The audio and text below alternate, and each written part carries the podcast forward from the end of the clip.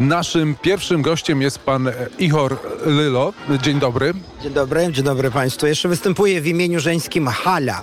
Także w jakim stopniu tutaj każda druga dziewczyna ma to e, imię, także mamy jeszcze tamtą e, literkę. Chociaż się tak nie pisze, ale tak wymaga.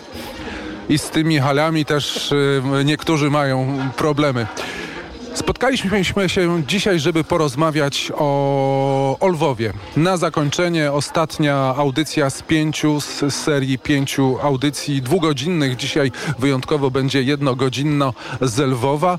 A moi koledzy pokazali rozmowę z panem, gdy mówił pan o kulturze tego miasta i powiedział pan o czymś, co ja mam wrażenie, że też zaobserwowałem. Cofnę się w przeszłość. Gdy byłem tu pierwszy raz w latach 90., miałem wrażenie, że to jest y, piękne miasto z zabudową miejską, ale z dominującą kulturą. Gdzieś to się wyczuwało, wiejską, seliańską, jak to się tutaj mówi.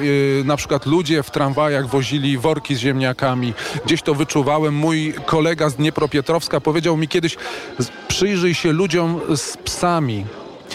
Ludzie z psami, mówię o latach 90., w 99% będą rosyjskojęzyczni, bo Ukraińcy przyjechali ze wsi, a psów się w domu nie trzyma. I w latach 90. to była prawda, ale teraz mamy rok 2021.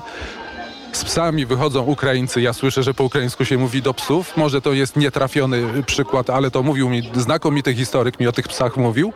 I, i pan ostatnio mówił, że Lwów jest w tej chwili miastem o rozwiniętej kulturze miejskiej.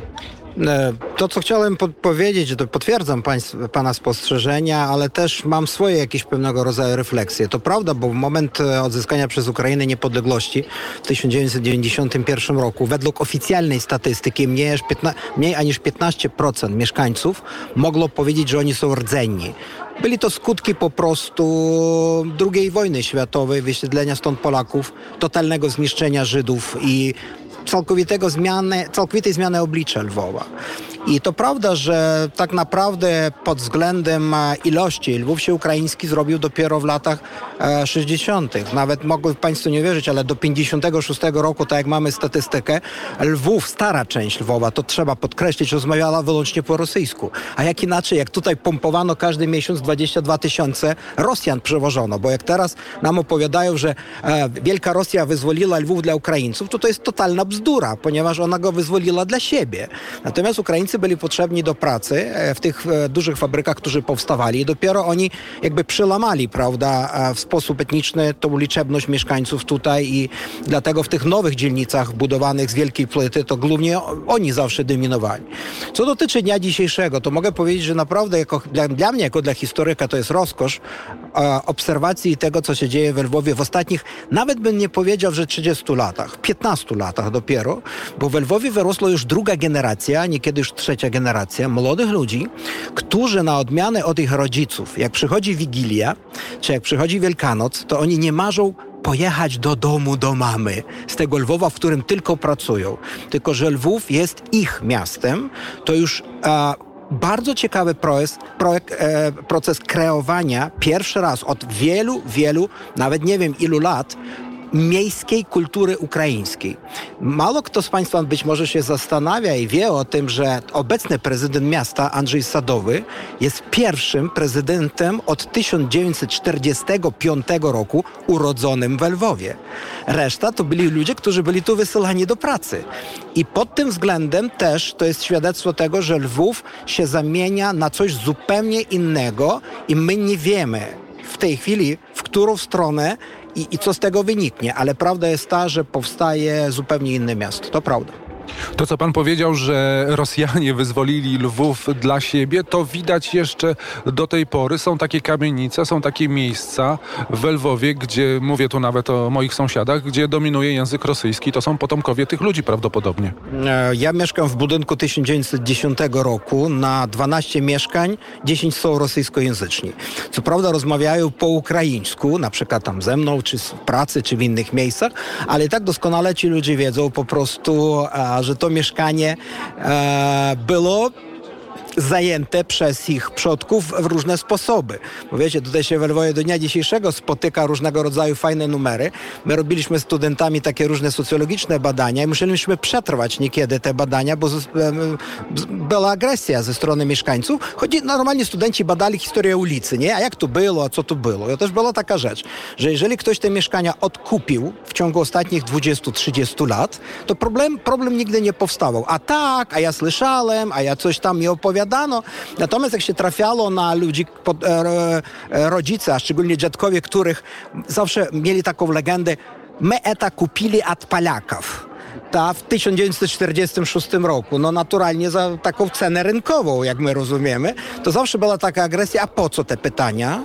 A czy, czy wy w ogóle dla kogo wy tam pracujecie? A czy tu ktoś zamierza wrócić? A czy ktoś ma zamiar coś tam, prawda, jakiś tam kamienicznik przyjdzie i to zabierze i, i to widać, że ale, ale ten, ten jednak taki postsowiecki żywioł, on po prostu zanika. To widać jak zanika w ciągu tych ostatnich 15 lat i e, Stare Miasto to raczej w tej chwili jest to miasto bardzo skomercjonalizowane. To też prawda. Tutaj wokół rynku w ciągu ostatnich 15 lat zniknęło około, według moich obliczeń, około 50% ludzi, którzy tu mieszkali, bo tu teraz wszystko jest pod wynajem, prawda? Jest pod turysta, to zarabia.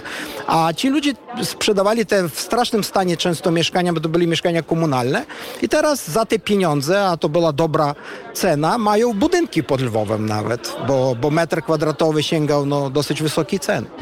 Czyli to nie była agresja, to nie była presja. Ja pamiętam, że tu widywałem, czasami wynajmowałem pokój od takich starszych pań, starszych rodzin i oni nagle w ciągu kilku lat, jeszcze w 2004-2005 roku i oni nagle w ciągu kilku lat, no nie nagle, w ciągu kilku lat to jest, nie jest nagle, w pewnym momencie zniknęli. To znaczy, że im zaproponowano sprzedaż za dobrą cenę. E, absolutnie. Albo wymieniali te mieszkania, albo nadal są w ich własności, tylko oni ich przez pośredników wynajmują. nazwijmy to tak. E, lagodna ukraińska komercyjna, e, nie, łagodna komercyjna ukrainizacja Lwowa. To znaczy po prostu się zmienił system, a są układy między ludźmi i ludzie chcą, chcą zarabiać na tym. No i polityka była taka, że Lwów się zamieniał na ten, zamienił się na ten centrum turystyczny. Niech Państwo e, sobie wyobrażą, w, 2000, w 2001 roku oficjalnie we Lwowie było 350 tysięcy turystów rocznie, a w 2019 roku było prawie 3 miliony. No, dla miasta, które nie jest częścią Unii Europejskiej, które miało złe drogi, które miało złe połączenia, które miało inne rzeczy, wzrost turystyczny o 10 razy, chyba o tym marzy wiele miast e, po prostu na, na świecie fenomenalny, ale przyszła potem pandemia, przyszła, przyszedł koronawirus i takie miasta jak Lwów miały poważniejszy problem od, od innych. Nadal mają i nadal te problemy są. W tej chwili ja obliczam, że turystyka została przywrócona mniej więcej w granicach no może do 20% od tego, co było w 2019 roku. Także i nikt nie wie po prostu, w, jaki, w którą stronę to się posunie. Delta, nie delta, jakieś inne sztamy i, i mam nadzieję, że to się kiedyś jednak skończy, bo widać, nawet odbieramy, ile tych osób chce przyjechać do Lwowa, pragną tego, a, a są po prostu ograniczeni w swoich podróżach. Doszliśmy do turystów, do zmiany turystów. Jeszcze niedawno w środę rozmawialiśmy o tym, że polskiego jest mniej, natomiast pojawiają się inne egzotyczne języki, a pan przed naszym e, spotkaniem na antenie wspominał o tym, jak miejscowi ludzie reagują na tę masę turystów e, z państw arabskich, głównie chyba z Emiratów Arabskich. Tak, z Emiratów. Wie pan co, to jest też doświadczenie niesamowite. Dla mnie też. Ale ta obserwacja, ta refleksja od zewnątrz jest dla mnie bardziej interesująca. Ja się dzisiaj śmiałem, bo w Lwowie jeżdżą dorożki, tak samo zresztą jak tam w Krakowie, w innych miastach. No i mówiłem sobie tak jako historyk, że w XVI wieku ludzie zarabiali w Lwowie sprzedając Arabów. No naturalnie koni, nie? A teraz koni zarabiają wożąc Arabów. Tylko już ludzi po prostu. No i dla wielu z e, mieszkańców tutaj to jest bardzo trudna, e, trudna rzecz, trudna, trudne wezwanie, ponieważ widzimy na przykład kobiety, no delikatnie mówiąc, które są ubrane inaczej aniż, aniż e, my tutaj w Europie sobie, prawda, o tym myślimy. Ja nie, nie jeden raz słyszałem komentarze, no i obserwuję to, co się dzieje na forum, jak ludzie opisują, że a co, a jak? Wie pan co, została po raz kolejny zgwałcona taka cnota galicyjska, która często jest podawana tutaj, że my to jesteśmy takim pępkiem świata, po prostu jakimś chronicielem takiej wielkiej e, mm, idei, wielkiej tam e, różnych pozytywnych e, e, cnot europejskich i tu nagle powstał wybór, że albo bierzemy od nich pieniędzy, albo nie. Ta, albo się dostosujemy do tego świata, albo nie. No i tak mm, dla wielu osób to jest takie trudne trochę do, do um, połknięcia po prostu do jakichś, prawda, momentów związanych z, z zupełnie inną kulturą. Ale e, mówią nam w źródle, że jeżeli się Europa ponownie otworzy e, dla tych ludzi po prostu, to powrócą do swego ulubionego Mediolanu na zakupy i będą wspominać Lwów, mam nadzieję, że dobrym słowem. Mediolanu i być może Paryża. Ja jako osoba z kongresówki zapytam, użyję cytatu, co to jest ta galicyjska cnota? No bo wiele lat słyszałem po 91 roku, że ten Zachód to zgnił, wokół sami jacyś nie wiadomo kto, a my tu na wschodzie Europy pielęgnujemy taką misję, prawda? Misję, że jakby coś tam zupełnie już zgnije i umrze, to tylko ta europejska cywilizacja ze wschodu przyjdzie ponownie i wszystkich prada odmłodzi. No to chyba już troszeczkę mm, nie ma tej, e, tych pomysłów, nie ma tego, nie ma tego jakiegoś, wiecie, to się nazywa po angielsku passion, ta? I widzę, że miasto się robi bardziej otwarte, tak naprawdę. Chociaż oficjalnie Lwów ma wpisane tam na herbie, ta, że miasto jest otwarte na świat, ale trochę trzeba jednak nad tym popracować, bo tutaj byli zawsze przyzwyczajeni do Polaków, ta, czy Niemców, czy a nawet Anglików, no bo, bo podobni, nie? Bo tak czy inaczej to się dogadamy, a tu nagle zupełnie coś innego i Lwów no, przechodzi kolejny, kolejny egzamin. Ale zanim pojawili się Arabowie, którzy są no, takim trochę wypadkiem przy pracy, można powiedzieć, pojawili się tutaj, przepraszam, bo ja ciągle o tym samym, e, i byli dobrze przyjęci Tatarzy krymscy. No my jeszcze Turków mamy tutaj dosyć dużo jako turystów, ale Turcy w Lwowie to historyczna tradycja. Dwa razy nam burzyli miasto w XVII wieku. Co dotyczy e, Tatarów krymskich, bardzo miła i sympatyczna grupa. Po pierwsze trzeba pamiętać o tym, że ci, co się zdecydowali na wyjazd tutaj e, w stronę Ukrainy Zachodniej, to był wybór świadomy, prawda? Bo wiele na przykład z Tatarów pozostaje blisko do Krymu. Na, na powiedzmy tam gdzieś Mikolajów, na południu Ukrainy.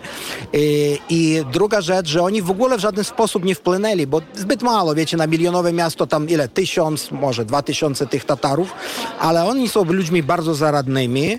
Oni kupili ziemię e, albo dzierżawią ziemię pod Lwowem i na przykład wreszcie w niektórych restauracjach Lwowa się pojawiła dobra baranina, której tutaj nie do końca umieli, prawda, e, hodować, natomiast e, Tatarowie robią to w sposób znakomity. A jak mówi legenda, baraninę trzeba umieć y, przyprawić. Artur Żak siedzi i dobrze przygotować. Artur Żak siedzi obok mnie i już tak nerwowo łypie okiem, kiedy w końcu będzie mógł zadać pytanie. Faktycznie, tutaj rozmawiamy o tym, że o wielokulturowości Lwowa, tak? Y, ówczesnej wielokulturowości. Kiedyś jak wyglądała tkanka społeczna miejska, ale... Mm, Pan jest historykiem, ale pana taką dziedziną historii, którą pan bada z upodobaniem, to jest historia kuchni. E, jak wyglądała ta kuchnia niegdyś, do 1939 roku, jak później w siermiężnych czasach radzieckich i jakie metamorfozy przeżywa w dniu dzisiejszym?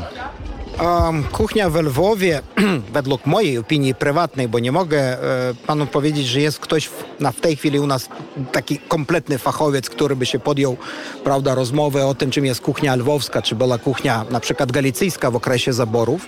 To była kuchnia, która była podzielona na trzy części. Kuchnia arystokratów. Znamy o niej, ta, o niej nie tak dużo, ale jednak była. I najlepsza książka o tym wydana a propos w Galicji, w Krakowie, to Antoni Teslar.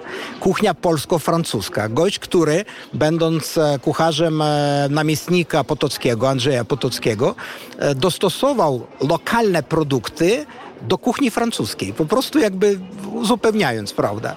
Była kuchnia miejska a kuchnia, e, okej, okay, z arystokratami wszystko jest jasne. 45 rok, do widzenia, już ich nie ma. Kuchnia miejska to była kuchnia taka mieszana, trochę baciarska, jak ja to nazywam, polsko-żydowsko-ukraińska, śródziemnomorska. I ona też została zniszczona w sposób fizyczny przez usunięcie tych ludzi. Żydów pozabijano, Polaków deportowano i tak dalej. I była kuchnia wiejska, to znaczy przedmiejska, nazwijmy to tak, prawda? No na przykład słynny chleb, kulikowski, o którym już prawie nikt nie pamięta, a Kulików to miasteczko położone, prawda, po drodze do obecnej granicy Polski, tam o ile nie pamiętam, 26-27 kilometrów. A była świetna kiszka, ta? Lwów był miastem, które, mia, które ma dwie piosenki o jedzeniu. Pani, panna Franciszka, kiszka i, i, tak dalej. No i teraz mamy kłopot z tą kuchnią, bo e, jest trend na kuchnię, kuchnię lokalną. Są świetne restauracje dosyć w Lwowie, które jakby podążają w tym kierunku, ale Ukraińcy trafili w bardzo trudny moment dla kuchni, bo po pierwsze kuchnia sowiecka, która tu była, ona pozabijała wszystko, co można. Ta?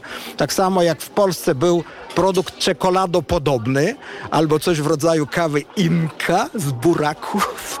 Tak samo tutaj było po prostu wiele rzeczy deficytowych. A po drugie było coś takiego, co się w języku rosyjskim nazywało obściepit. Trudno to wyjaśnić, chociaż to tak raczej... Um, byłbym na pewno makabryczny, gdybym powiedział, że to jest coś w rodzaju baru mlecznego, tylko takiego na, na skalę w ogóle ogólnokrajową, ale chyba nie, bo to była stolówka robotnicza. O, to na pewno najlepsze porównanie. Ale ta kuchnia dzięki Bogu już zanikła, bo to był też sposób na e, unicestwienie i walkę polityczną. Być może niewiele z Państwa wiedzą, ale właśnie dobrym przykładem tej kuchni sowieckiej było to, że Związek Sowiecki zmusił Polaków się do wycofania z walki o nazwę wódka kto był pierwszy właścicielem tego terminu i to było w 1981 roku. Natomiast teraz jeszcze pozostają jakieś tam, prawda, nostalgie za, za pewnymi e, potrawami, ale coraz więcej Ukraińcy szukają tej swojej kuchni, albo też kuchni galicyjskiej, lokalnej. No i niestety mamy też drugie niebezpieczeństwo, bo coraz więcej w kulturze ukraińskiej i polskiej jest takich autentycznych potraw jak kebab. Wiecie, jak się przyjeżdża do Lublina, to na głównej ulicy, która prowadzi do rynku, jest napisane kebab od prawdziwego Polaka. Widziałem to na własne oczy. Jeszcze takiego u nas nic w Lwowie nie ma, ale podejrzewam, że to też podąża w tym kierunku. Że, że będziemy się kłócić Polacy i Ukraińcy o to, czy kebab jest lepszy, nie? To by była już katastrofa kompletna. Może niedługo będzie tu kebab od prawdziwego Ukraińca.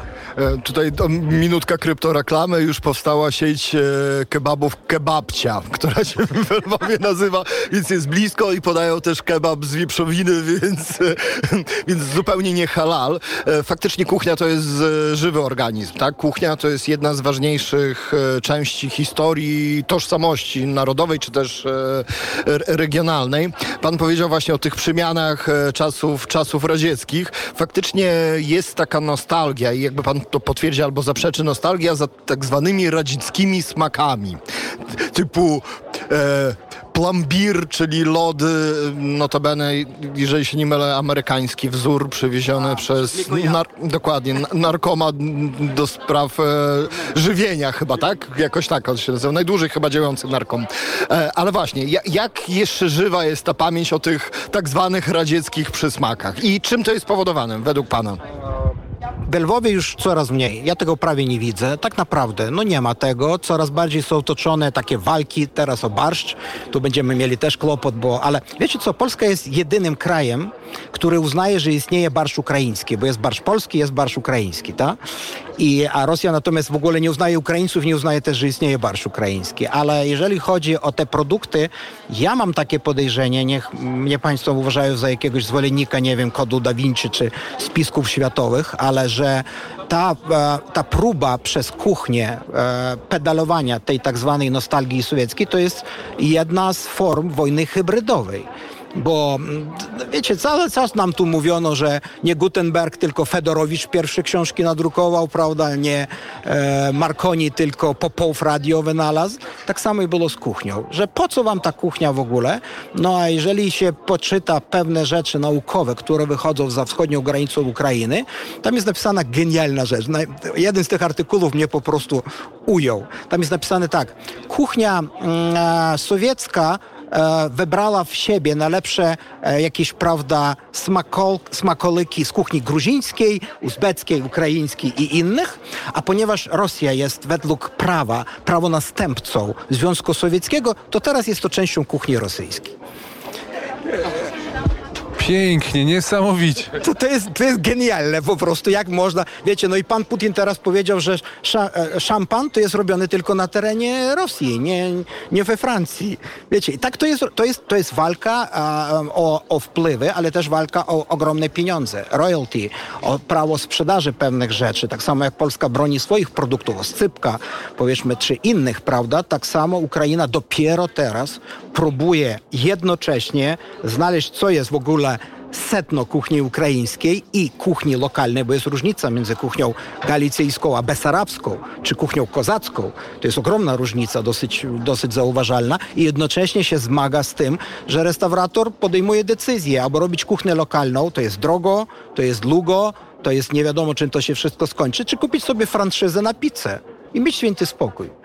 Wspomniał Pan o oscypkach. O oscypki był mały konflikt ze Słowakami, ale być może nas czeka konflikt o pierogi, skoro tutaj Ukraina szuka. My, my tu jesteśmy dwa kroki od e, kościoła Dominikanów. U góry kościoła Dominikanów we Lwowie stoi święty Jacek. Według oficjalnej strony Ministerstwa Rolnictwa, nie pamiętam jak to się nazywa teraz w Polsce, tam jest napisane, że święty Jacek, który był na misji w Kijowie, uciekając przed Mongolami, trafił do Krakowa, gdzie nauczył Polaków robić pierogi ruskie, bo z Rusi Kijowskiej. Kto nie wierzy, niech sprawdzi po prostu to na stronie.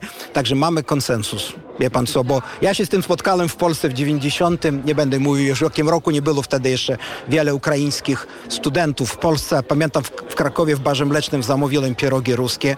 Siedzę, czekam, nie było jeszcze tam elektronicznych kwitków. I tam pani taka z okienka, wiecie, wydawała i ona tak wzywa, ruskie, kto zamawiał? No ja wstaję i naturalnie idę za nimi, nie? Jakiś pan starszy obok siedział mnie i mówi, nikt, sami przyszli.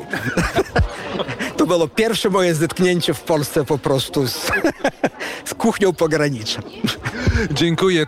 Tą opowieścią zakończymy. Obiecałem panu, że będzie pan pierwszym gościem, bo biegnie pan gdzieś. Można byłoby zresztą godzinami pana słuchać. To znakomite. Pan Ihor Lylo, który jest y, profesorem historii, jest również przewodnikiem i jak się okazało też radiowcem. Też ma pan e, audycję w radiu. Tak, mam audycję w radiu, ona się nazywa Lwiwska Chwila, to znaczy fala, fala lwowska, w nawiązaniu, a, a propos, e, do tej fali lwowskiej Szczepka i Tonka, co było tutaj przed wojną. I prowadzę tam normalnie program o 8.30 rano e, każdego dnia chronograf, który opowiada, co się stało w- Lwowie w czasach, no nie wiem, tam od starożytności do dnia dzisiejszego. Dlatego się łatwo rozmawia w radiu. To, to już przyzwyczajenie, 17 lat, trochę, trochę czasu upłynęło. Świetnie. No niestety w tym czasie słucham poranków wnet, ale spróbuję jakoś pojednać, połączyć jedno z drugim. Bardzo, jedno z drugim bardzo dziękuję za wizytę u nas. Słyszano pana w Szczecinie, w Białymstoku, Wrocławiu, Krakowie, Warszawie i w Łodzi. Dzisiaj pierwszy dzień nadajemy w Łodzi. Dziękuję. Dziękuję bardzo.